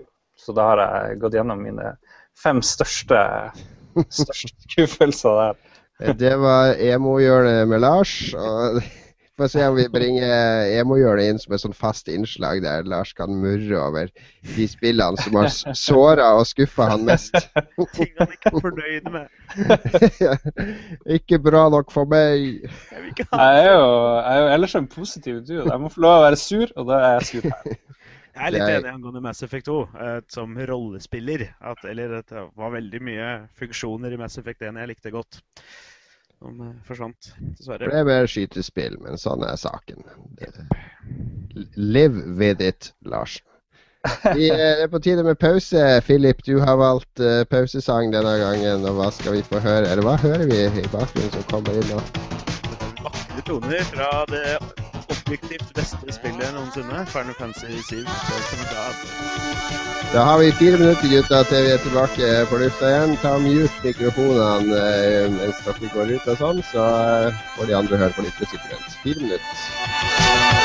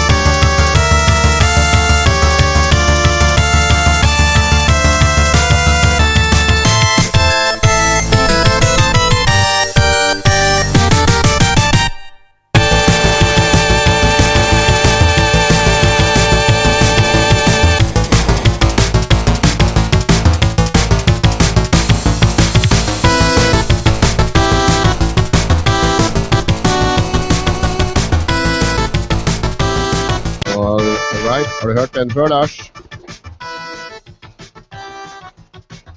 Er du der, Lars? Der har jeg på lyd. Ja.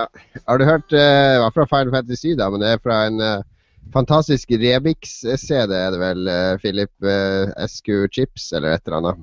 Det stemmer nok. Det er nok ganske nøyaktig riktig. Var det ikke i spillet, da? Jo da, melodien, sangen er jo fra spillet. Det er jo en av de mest kjente sangene fra spillet. Men det her, de, Square gi, elsker jo å gi ut sånne eh, remix-CD-er med pianoversjoner, vokalversjoner og alt mulig av musikken. Så har de gitt ut en med, med chip-versjoner, da, altså, der de har strippa det ned og gjort melodiene til 8-bits-melodier. Gjort de mye mer eh, Det blir jo mye penere med en gang. Det blir 8-bits, spør du meg, da. Men eh, det er bare en, en gammel mann som raljerer her. Eh, Jeg gleder meg til vi skal ha 8-bits uh, musikkspesial ekstravaganse.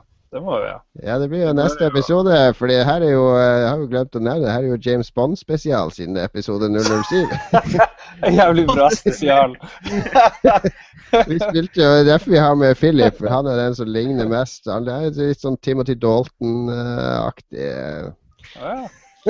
Over utseendet. Nei, eh, det er episode 007. Det må jo være James Bond-tema. Vi spilte James Bond-sang til introen. Det var fra A View to a Kill på Commodore 64. Og eh, vi har James Bond-sang til avslutninga. Og vi har, jeg skal ikke røpe for mye, men i retrospalten tar vi for oss et James Bond-spill, og det er ikke noe premie hvis du klarer å gjette hvilket spill det er. ja, Vi burde ha dress. Det her er litt for dårlig gjennomtenkt. James Bond spesial. Det er egentlig en farse. Men poenget mitt var at neste episode er jo episode 8, så da passer det bra med 8-bit. Og så har vi 16-bit i episode 16, 32-bit, Commodore 64, 48, det blir Spektrum, ikke sant? Det er mye tall å ta av her. Ja. ja. Gleder meg til episode 69. Og så er jo derfor Philip også er med, fordi det Min humor. Min humor. Og så er jeg som sendte inn alle båndene. Uh, ja, OK. Hva har vi spilt i det siste? Lars, du har ikke spilt en dritt, har jeg skjønt? Du har spilt, Uh, nei. Du har spilt sjakk i dag, men det teller ikke. Så da går vi rett over til Philip i går. Du kunne ikke være med på uh, podkast i går, sa du, fordi at da var du på raid. Ja, Sverre. Jeg er jo en av de som, eh, som fortsatt spiller World of Warcraft, som, som tidligere nevnt. Uh, Mm. henger Ingen, skam, ingen skam i det. Nei, det er, det er noe, noe sosial stigma eh, forbundet med å spille World of Warcraft. Men herregud, da, det er jo bare et, et PC-spill som er gøy. Så ja. Det er jo det. Det er Hva syns du om eh, De har annonsert en ny sånn tilleggspakke nå, er det ikke det som skal foregå før? Eller jeg, skjønt, jeg, har ikke helt, jeg bare så, eh, jeg så bilder og leste overskrifter, sånn som jeg vanligvis gjør på spillnyheter. Eh, nei, eh, jeg tror ikke jeg skal gå for mye inn på det, det, det, det detaljene, holdt jeg på å si. Jeg kommer til å bli sittende her altfor lenge. Men jo, de skal gjøre noe merkelig med en type eh, ikke tidsreise, men tidsboble. Det vil si reise tilbake i tid, men ikke tilbake i tid, men tilbake til en tid som vil bli, siden vi vil reise tilbake i tid, da. Uh... åpenbart skjønner. Um, ja. Ja, men de gjorde jo noe kult med Kataklysm. Så lagde de jo sånn jordskjelv og endra på masse i verden. I hvert fall kosmetiske endringer. Det var vel andre endringer òg, da. Så det er jo kult at, de, at det skjer noe i denne verden. Ja, det er det. Og det, den Cataclysm-oppgraderinga den var nødvendig. Eh, Da tok de jo også alt innholdet fra level 1 til level 60, som var den, den Ja. originale level capen, eh, og gjorde om på alt det. Fordi det Ja. å levele fra 1 til 60, det er en kjedelig Eller det var veldig kjedelig. Nå er det bare litt kjedelig. Hvor mange, hvor mange max-level Er det lov å spørre om hvor mange? Er det litt som å spørre om hvor mye porno hvor, pornosamlinger er? det? Hvor mange lak- max-level-folk har du? Nei, For meg, det, min del så er det helt greit. Jeg har bare, har bare én eh, som jeg satser veldig på. Da, eller én som jeg spiller mye på, i stedet for å Ja. Det er jo eh, Som du var inne på litt i stad, i går kunne jeg ikke, kunne jeg ikke spilt inn podcast fordi jeg, Ja. Jeg henger litt sammen med, med dette med barn og familie og sånn. Jeg eh, er en av de som driver med dette vi kaller for heroic progression rating. Uh. Det vil si at jeg henger sammen med en gjeng med ni andre eh, fire ganger i uka, fire timer, eh, og slåss mot skikkelig vanskelige bosser, da. Det er uh. mye greia. Eh, og det, ja, det har jeg mulighet til å gjøre nå, mens jeg ikke har kone og barn. Uh, det vil jeg ikke få mulighet til senere, så da ja. tar jeg den når jeg, når jeg kan, nå som jeg kan. Kjør på, for guds skyld. Herregud. Jeg, men har du egen sånn uh, auksjonssekretær uh, og sånn som jeg hadde, husker jeg, når jeg spilte? Nei, det trenger jeg ikke. Jeg har uh, oversikt og organisering. Ja, OK. ok. Nei, det, det, det går, går, greit. Men det går Jeg spiller mye World of Warcraft, holdt jeg på å si. Det, tar, det krever fortsatt mange timer og mye dedikasjon for å være blant de beste i verden. Og det er det jeg har lyst til å være. Da... Ja, ja, men det all, all kudos til det. Har du spilt WoW du, Lars? Jeg, jeg har installert det og testa i et par timer, men jeg spilte Eh, Mudd på 90-tallet og brukte opp all min energi på, på multiplayer Du kan jo ikke, sammenligne World of Warcraft med de tekstmuddene vi satt og spilte. Jo, det er jo akkurat det samme. Det er jo bare med grafikk. Det det er som å si at du ikke spiller Call of Duty fordi du spilte Pong på 70-tallet. Altså det... Ja, men det, det mener jeg, ærlig talt. Du tok, du tok ordene ut av munnen min. Nei, men det WoW er sikkert bra, men det tar så sykt mye tid som jeg ikke har. Det tar mye tid, det er uh, riktig det. Um, ja. Jeg har spilt uh, Jeg har begynt på Jeg har ikke kommet så veldig langt. Jeg har spilt et par timer på den nye Professor Laton. Jeg er jo uh, Jeg har spilt alle Laton-spillene. Jeg er veldig glad i Laton-serien fordi det er det er ikke noe som ligner på de egentlig. Altså, det er som et pek og klikk-eventyr der du skal løse sånne obskure og tidvis ganske teite logiske gåter, eller bildegåter innimellom. Altså. Men jeg liker veldig godt stemninga. Det er sånn julestemning i alle de spillene. Det kan være fordi at de alltid kommer i november, og så spiller de ofte i november, og så runder de ofte i romjula, så da blir det sånn julefølelse. Men det, årets spill er enda mer julefølelse, fordi det første Nå reiser du over hele verden, da. Altså den første byen du besøker ligger oppi, langt oppi fjellene og er full av snø og is, og det laver ned snø, og du skal løse sånn snøfnugg-puzzle, og det er uh, utrolig koselig spill. da. Så Det er en av de, mine favorittserier på DS. Og Det nye spillet har begynt veldig bra. Og det er visstnok det siste det, det sjette spillet, da. Så det siste spillet i den andre trilogien, og etter det her spillet så skal Leighton pensjoneres. uh, jeg tror serien kanskje fortsetter med han der uh, han gutten. Han ja, han, han Luke. Jeg tror den fortsetter med Luke. Da må han forhåpentligvis bli litt mer voksen, for nå har han jo vært sånn her eh, ti år i, i, fem år og alltid kommer I think I got it, professor! Så den, han er fortsatt like naiv. Han, han har vært på eventyr nå i seks år. Seks forskjellige spill. Har opplevd alt mulig mord og drap og, og kidnapping og greier. Fortsatt naiv og dumsnill og ja. Får håpe han stepper opp og tar over hovedrolla. Burde begynne å plukke opp noe snart, jeg. Eh, jeg likte det første Laton-spillet ganske godt, men har de, har de utvikla seg noe særlig fra det første til det du spiller nå? Ja, det er ganske li Grafikken er helt superkul nå, fordi at alle brettene er sånn der lag Sånn layerbasert, da. Så at når du scroller rundt i grafikken, sant, så, så, blir det sånn parallax-scrolling. Så at det ser veldig sånn teatralsk og, og, kult ut. Det er ganske unikt sånn grafikkmessig nå. Så kan du zoome inn i huset av og til og, og sånn. Så, eh, men ellers så er det jo det er akkurat som før. da, Du samler spor og plukker opp, men det er mer strømlinjeforma og mindre gnukking. Så jeg liker det. Har du mer du, du har spilt Stanley Parabolo, Philip? Ja, det var jo en del prat om det, for å si det sånn. I, ja spillotmosfæren på Twitter. Eh, så det måtte jeg jo laste ned og, og sjekke ut. Eh, det var jo litt av en opplevelse. ja, det er en opplevelse. Jeg regner med dere har spilt det? Ja, har du spilt det, Lars? Nei, dessverre. Ja, men da, Vi kan ikke spoile så mye for Lars, da, men det er Det er en opplevelse. ja, det, det, bare, bare sett deg ned og spill det, Lars. Det tar ja. uh, Jeg satt liksom av litt tid til å spille det, men det tar eller det kommer an på selvfølgelig hvor grundig du vil gå til verks, si, men det må ikke ta veldig mye tid. Det, det er en veldig ja, en unik opplevelse. Ja, nei, men uh, Takk for påminnelsen. Det ligger på i kø med Gone Home og en del andre greier. Bra, bra, bra. bra. Ellers har jeg prøvd uh, New Star Soccer. Det spilte jeg veldig mye for et år siden. Det, det var verdens beste fotballspill da. Det der uh, IOS uh, fotballspiller der du har sånn fotballkarriere.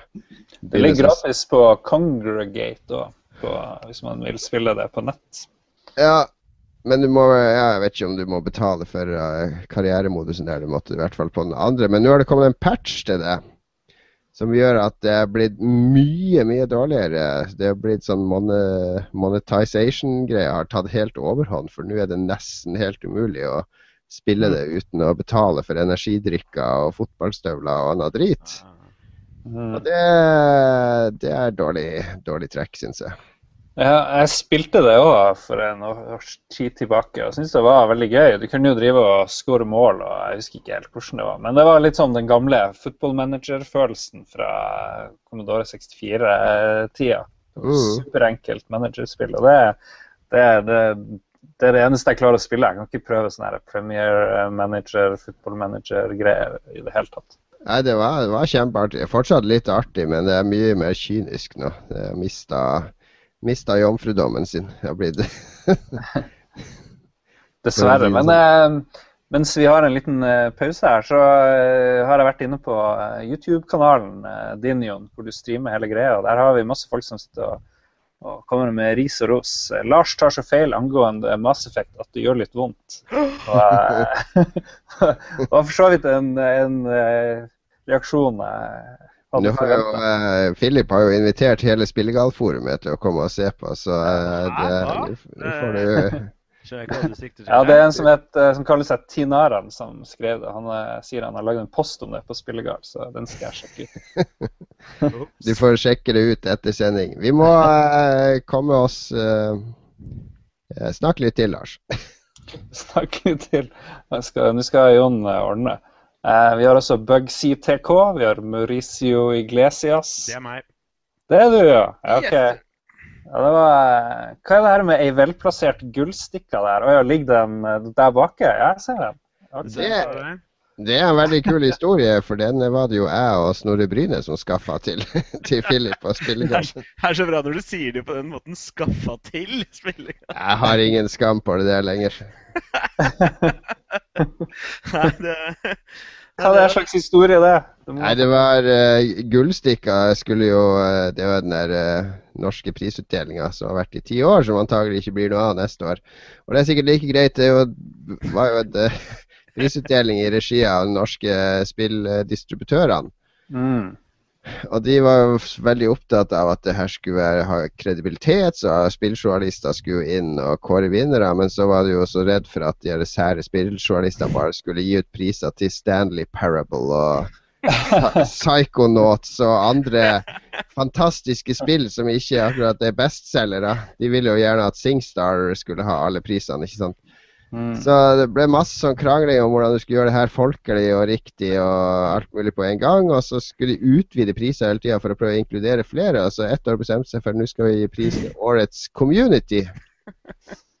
og så da var det jo sånn nominasjonsliste med Spillegal og Battlefield.no og masse sånne halvproffe pretensiøse sites, da, men jeg og Snorre vi var jo vel, vi satt i jury, vi var jo ekstremt glad i Spillegal da, fordi vi hadde jo de, Spillegal har alltid vært kule, ikke sant? Og De var et av de første forumene. Og et par etere så var den beste eterdekninga du fikk, var på Spillegave. Fordi de satt og la ut alle videoer, alle trailere og alt det du hadde lyst til å se, i stedet for de dagsrapportene som, som pressen satt og sendte over.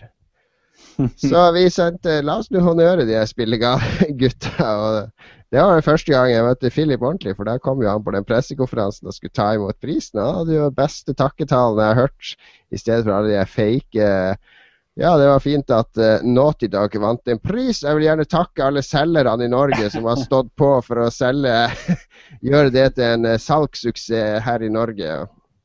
Og fant den faktisk. Her er den. Det er takketalen, ja. Jeg takketalen. Wow. Skrev i, i, bedriftsøkonomi en halvtime før selve uttellinga. tenkte jeg sånn det, liksom, det, jo, det, var jo åpenbart overhodet ingen mulighet for at vi kom til å vinne. vi, vi var jo tross alt spillegal.no, og vi er en gjeng under ganske unike mennesker. Men så tenkte jeg for sikkerhets skyld så hadde det vært moro ja, å kunne si det. var bra du gjorde det. Men jeg, som jeg husker det, så den diskusjonen om det, hvem forum som skulle vinne da var alle så jævla lei av å diskutere, fordi det ble sånn ja, burde ikke Battlefield vinne, burde ikke de vinne? Altså, altså Trumfa bare jeg og Snorre gjennom at spillegale er eldst. De står på, de er seg sjøl. De er en unik stemme, vi gir den til de, og så var det ingen som gadd å krangle på det. Så da, da ble det spillegale. Gratulerer, Philip. Takk, takk. Jo, takk, jo, takk. Ja. Så ble det jo selvfølgelig herlig, deilig drama i ettertid da når Battlefield fant ut at vi vant, og det, det var de ikke særlig fornøyde med. Det, jeg, hus jeg, husker det, da, men uh, alt Det er uh, melk som har rundet under broa, nytter det ikke å gråte over, er det ikke det det heter? Absolutt. Da er vi klar, Lars. Jeg måtte bare fikse noe på det teite programmet her, for nå er det Quiz med quizmasteren.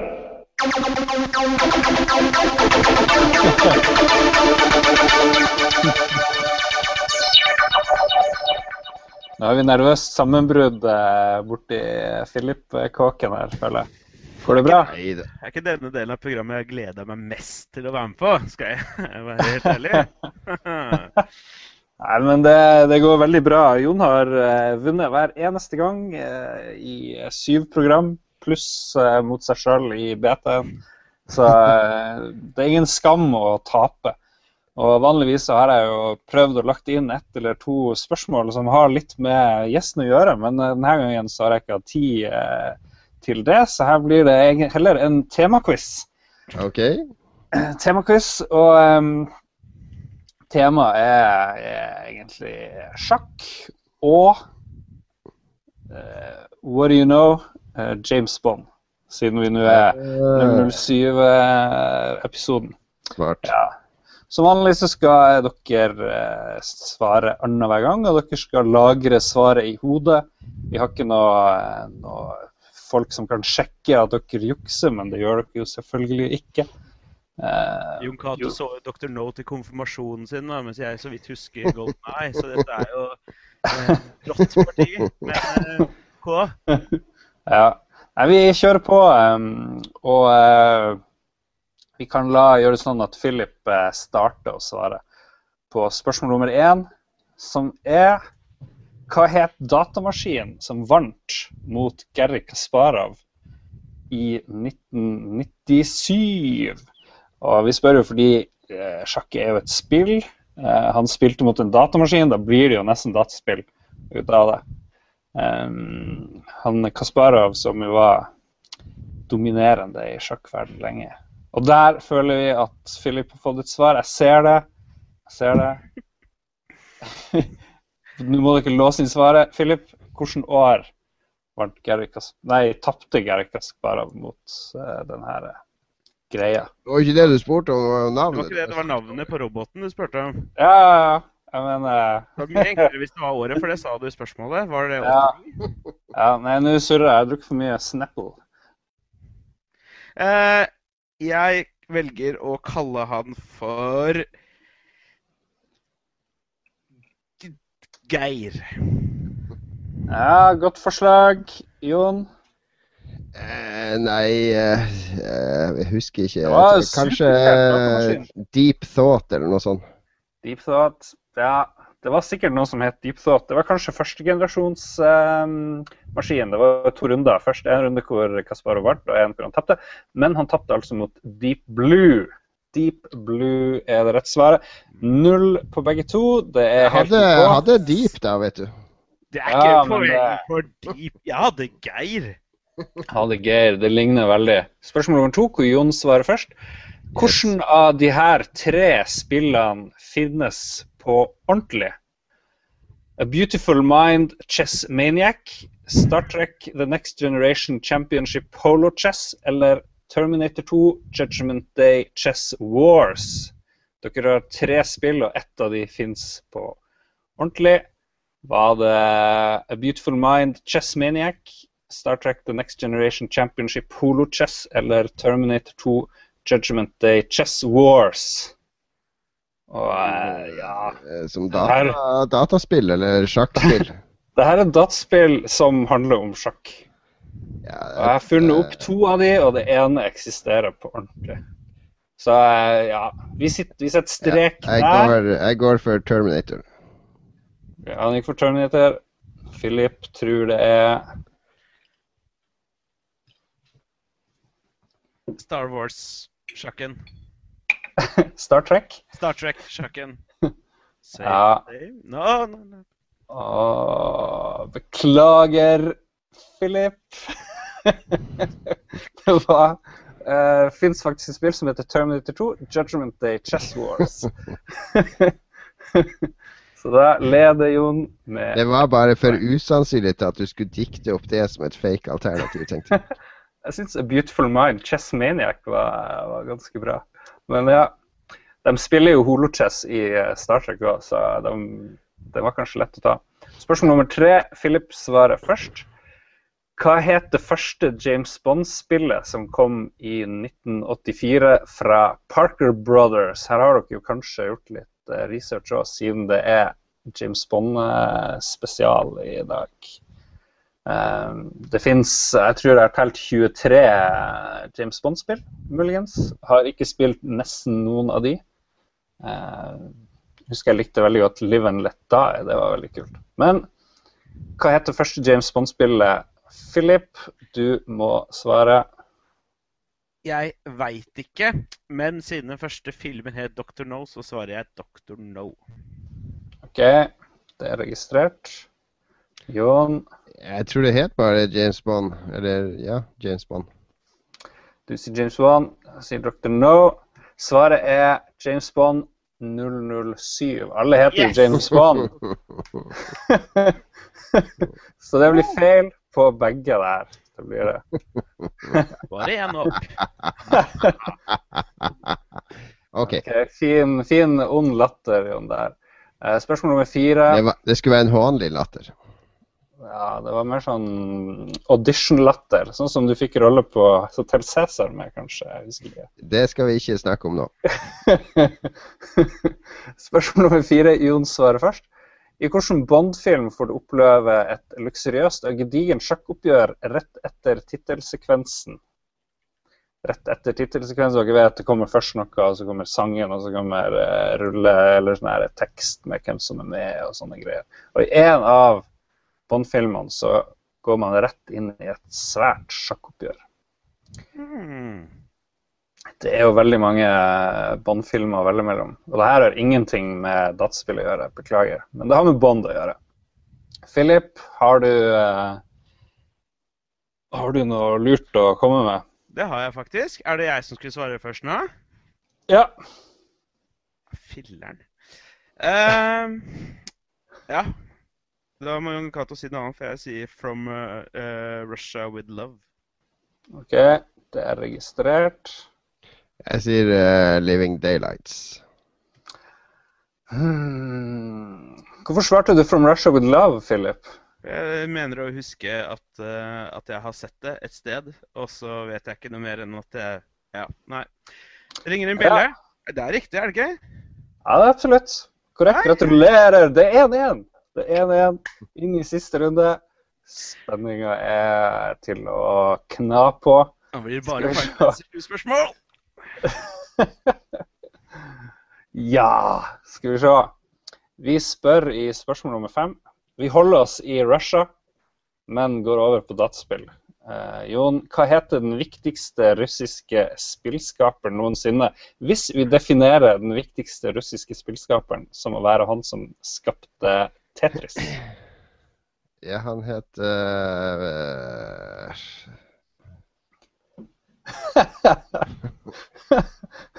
Philip ber om at du skal miste connection akkurat nå. Nei, jeg sitter og ber om at jeg bare skal snakke, svare det samme. Han het uh, Han jobba Vent, vent, vent. Har begge tenkt et svar? Nei, ikke ennå. Ikke før Ja. du har svar. Har du, har du låst inn svaret ditt, Philip? Uh, ja. Ja. OK, vi tar deg på ordet. Jon, vær så god. Uh, nei, jeg fikk helt uh, jernteppe. Uh, eller Kaldt. Berlin, En Berlinmur fikk jeg. Det, Ja. Jon klarer ikke å svare. Da går det til Philip. Hvis jeg husker ett av navnene Ja, det her kan bli sensasjon. Hvis du husker ett av navnene der, så eh, kan det godt hende det kan bli seier her. Vi har en bruker på Spillega som eh, har samme nikk som, eh, som til fornavn pga. han. Men jeg har ingen idé på etternavnet. Det er jo helt umulig å vite fordi det er russisk. Ja. Men han heter Aleksej. A-l-e-x-e-i. ok. Ja, det er noe på P. Patri, Patrinov eller et eller annet. Jeltsin. Det rette svaret er Etternavnet er Pajitnov. Og det begynner på P. Det er rett, Jon. Fornavnet er Aleksej. Jeg tror vi har en ny, eh, ny mann på troen. Vi skulle ha en, ha en egen uh, trudelutt her. Gratulerer, Philip. Du har knust uh, quizmasteren. det var alt jeg fikk. Det blir det dansing. Det blir det dansing.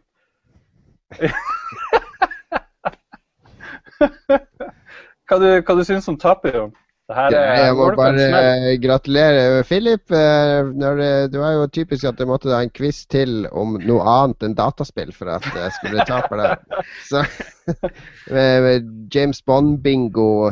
Men det er eh, all ære til Philip som eh, Jeg fikk fullstendig jernteppe på Aleksej Pajitnov, som jeg egentlig eh, Jeg skrev, jeg skrev en firesiders artikkel om han for et par år siden, så jeg burde jo vite det.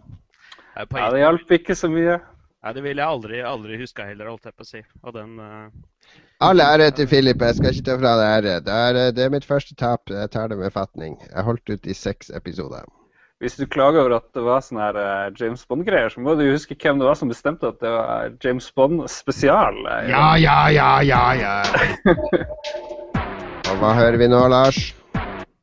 Her er liflige toner fra Golden Eye. Riktig det. Vi er i retrospalten, og du har egentlig ikke fått velge spill i dag siden det var eh, James Bond spesial, men uh, du er enig i at eh, Golden er verdt å ta opp? Ja, absolutt. Det var da vi eh, Eller da du ble enig, da du tvang gjennom James Bond spesial som du ikke fulgte opp, så, så var det jo ingen tvil om at vi må snakke om Golden Eye. Som jo eh, med en gang man begynner å tenke på det, får jo et smil om munnen. Det brakte jo så mye nytt. Hvis man sier at Halo eh, gjorde skyts-FPS-sjangeren på konsoll bra, så er jo det mye takket være Golden Eye, egentlig, vil jeg si. Som bana mye vei. Golden Eye var det første spillet som visste at sjangeren fungerte på konsoll. Altså, og overmåtelig bra, og det gjorde masse nytte. Og jeg husker at hvis du endra vanskelighetsgrad, så fikk du flere objectives og sånn. Det var ingen andre FPS-spill. Ja, det var helt fantastisk. Det var det. Så eh, ga det jo oss også en veldig bra oppfølger òg. Men eh, man blir jo også litt trist når man tenker på Golden Eye og tenker på Rare, eh, som eh, gikk helt ad undas etter at de ble henta fra Microsoft. Men det er jo en annen, eh, annen historie. De mista jo masse bra folk da, så eh, det er jo eh, Nei, men det var eh, også multiplayerne hadde mange sånne aksjmikk. Jeg på aksjmikk da. Vi hadde mange sånne spillkvelder der vi samla og spilte multiplayeren hele natta. Og det til tross for at to av oss også spilte Quake og sånn på PC, eller Quake 2 eller hva som var ute da. Quake 1. Ja, Ja, der, jeg, det- jeg har faktisk ikke notert hvilket år det kom i. Vet vi det? Det burde vi jo Ja, det er 96-97, sånn cirka. Men det var Altså, det var jo Jeg husker han ene snakka mye med meg om det, fordi at det var jo det er så ræva grafikk når du sitter med sånn fireplayer split screen på Nintendo 64 og spiller der, i forhold til å spille Quake 2, da, som han brukte å spille mot andre på nettet. Men likevel så var det morsommere å spille Golden Eye med den ræva grafikken, fordi de nivåene var så utrolig kule. Og de Mm. våpnene var kule, og altså intimt. Når du sitter i sofaen og inntil hverandre, og du skyter en, og du kan skubbe litt borti han og få inn en sånn ekstra erting. Altså, det har aldri vært Halo òg fungerte veldig bra med split screen og sånn, og flere Mm. konsoller og TV-er, men ingen andre konsollspillere har hatt så mye moro med i multiplayer lokalt. Ja, absolutt. Var det der uh, laptop gun var, eller var det i uh, Perfect Dark som kom etterpå? Ja, perfect. Da, det- spillet kom i hvert fall i 97, og jeg klarer faktisk ikke å huske hvor jeg satt og spilte det, men eh, ja, jeg bare husker kaos, egentlig. og vill springing frem og tilbake, og at man plutselig kunne velge hvilket våpen folk skulle ha. Det var jo også genialt å bare ha sånn eh, bazooka-matcher. og One shot, da det golden gun-kamper. Jeg vet ikke, det var så mye du kunne gjøre. Det, det var føltes som en slags frihet å kunne spille golden her. Det var en følelse man aldri hadde hatt før, egentlig, med et FPS-spill på konsoll. Og heller ikke på PC. Det var ikke noe som ligna der heller. Så ja. Ja, jeg, jeg husker Det kommer jo fra ingensteds nå det spillet. ikke sant? For det var ikke noe hype på forhånd. altså Det skulle komme et James Bond-spill fra der. Ja, OK. Hvor kult blir det, da? En James Bond-lisens. det, er jo ikke noe å glede seg til. Og så husker jeg to uker før det kom Det kom nesten likt i USA og Europa, hvis jeg husker riktig. Men det, så kom han der han norske distributøren for Nintendo inn i butikken. Unsako-sjefen, han Finn Eirik Larsen. Og Da hadde han med den kassetten da, til oss, for han visste at uh, Akersmik var stedet der de hadde peiling på spill. Og så sa han kan ikke dere prøve det her og si hva dere syns. Og så tok vi det med hjem, meg og Ronny, og så spilte vi det. Og så I starten så var jeg litt sånn skeptisk, men så det var jo dødskult, da, sa vi til han. Det her kan jo bli kjempestort. Og så kom spillet, og det var jo sånn der slow burner at det kom, og så ble det sånn snakkis, og så skulle alle ha det fordi det var så kult. Så Nei, det er en klassiker. Spilte noen av dere den derre Det kom jo en sånn remake av det, som Eurocom eller et eller annet firma lagde. Nei, skulle jo laste det ned. Hva det kom til Det kom jo til PS3. Live, i hvert fall. Ja. Det kom til PS3 og med Move-støtte og sånne ting. Ja. ja.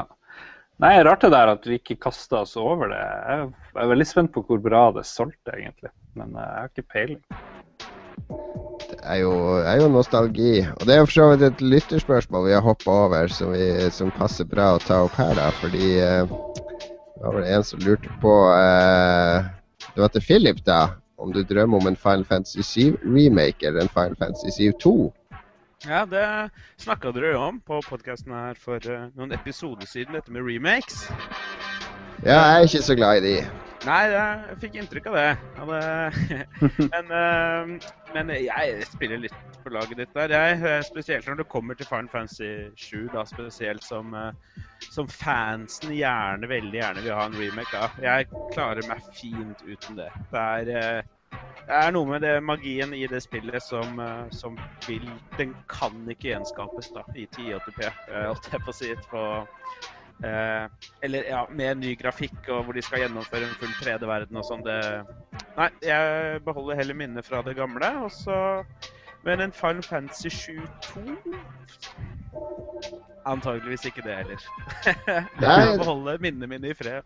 Ja, men det er jo et, et, et Altså, hvor mange av de som var hjernene bak Final Fantasy 7, er fortsatt i Square og har fortsatt den uh, magien som de hadde da, ikke sant? Det, skulle de først lage det, så blir det jo sånne spill som bare skal innfri fansen sine åpenbare forventninger. Fort, og det kommer de ikke til å gjøre. Det klarer de ikke å gjøre. Det. Final Fantasy 7 er et spill som vokste mye på sin egen sin egen fanbase, da. Eller det er uh, Man kan si mye om det spillet i dag, si, det, men det, vi, vi, som spilte det, opplevde det når vi gjorde det. det vi hyper det opp for hverandre, holdt jeg på å si. da.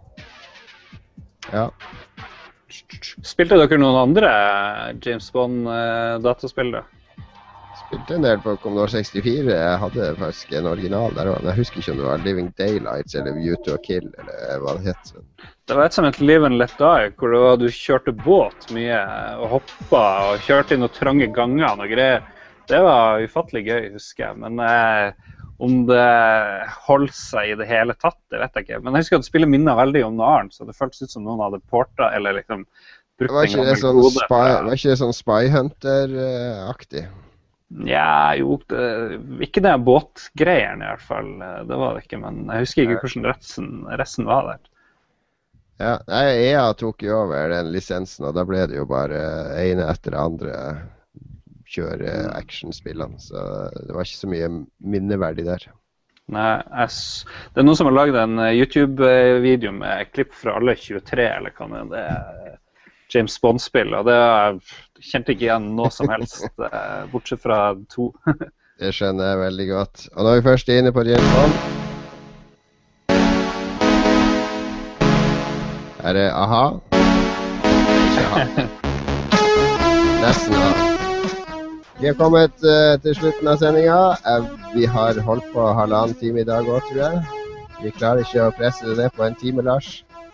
ja, nei, men det er jeg fornøyd med i dag. Det var uh, Philip var, var super gjest, altså. Føler, føler som å ha en sånn kompis man kjenner i, i vårt virtuelle studio her, egentlig. Så det, det må jeg si. Koselig. Veldig hyggelig å få lov, til, få lov til å være med. Bli invitert, må jeg si. Det har uh, fulgt med på podkasten siden jeg nå Liker du litt laidbacke, men informative stilen? Mm, det høres litt ut som det motsatte av PewDiePie. Men ja. Det har vært veldig hyggelig å være gjest. Jeg gjør det veldig, veldig gjerne igjen. Du, eh, du står på returlista vår helt definitivt, Filip. Og du står også på VIP-lista når Lars kommer til Oslo og vi skal ha Lolbua-pils eh, på Tilt. Så eh, skal alle gjestene endelig få møte Lars på ordentlig, de som ikke har møtt han.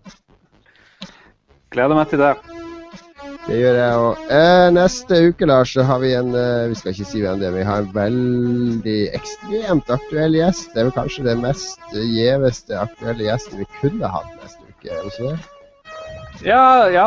Jeg gikk og tenkte lenge på det og maila frem og tilbake, og nå er det i boks, så eh, Ja, vi, vi bare teaser, vi sier ikke noe ja. mer. Men følg med neste uke, da blir det storslagen sending. Og vi avslutter med livlige det her er bedre toner enn Morten Harket noen gang har sunget. Med en gang en uh, SID-chip tar over. Da blir det deilig. Takk for jeg, tror, uh, jeg, jeg lurer på om vi skal prøve å uh, lokke noe premie ut av gjesten vår. Så det er jo ikke så mange av gjestene våre som har uh, tilgang til noe som helst vi kan ha samvittighet til å be dem skille seg av med, men det kan vi kanskje gjøre neste gang. Vi skal høre med gjesten vår om kanskje det blir noe konkurranse neste gang. Med premier. Vi sier i hvert fall takk for denne gangen. Takk for følget. Alle, vi har vært oppe i tolv viewers, tror jeg, maks live. Uh, vi høres neste uke. Takk for nå. Takk for nå. Ha det.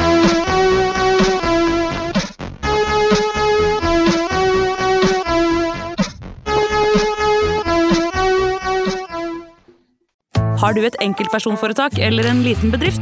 Da er du sikkert lei av å høre meg snakke om hvor enkelt det er med kvitteringer og bilag i fiken, så vi eh, gir oss her, vi. Fordi vi liker enkelt. Fiken superenkelt regnskap.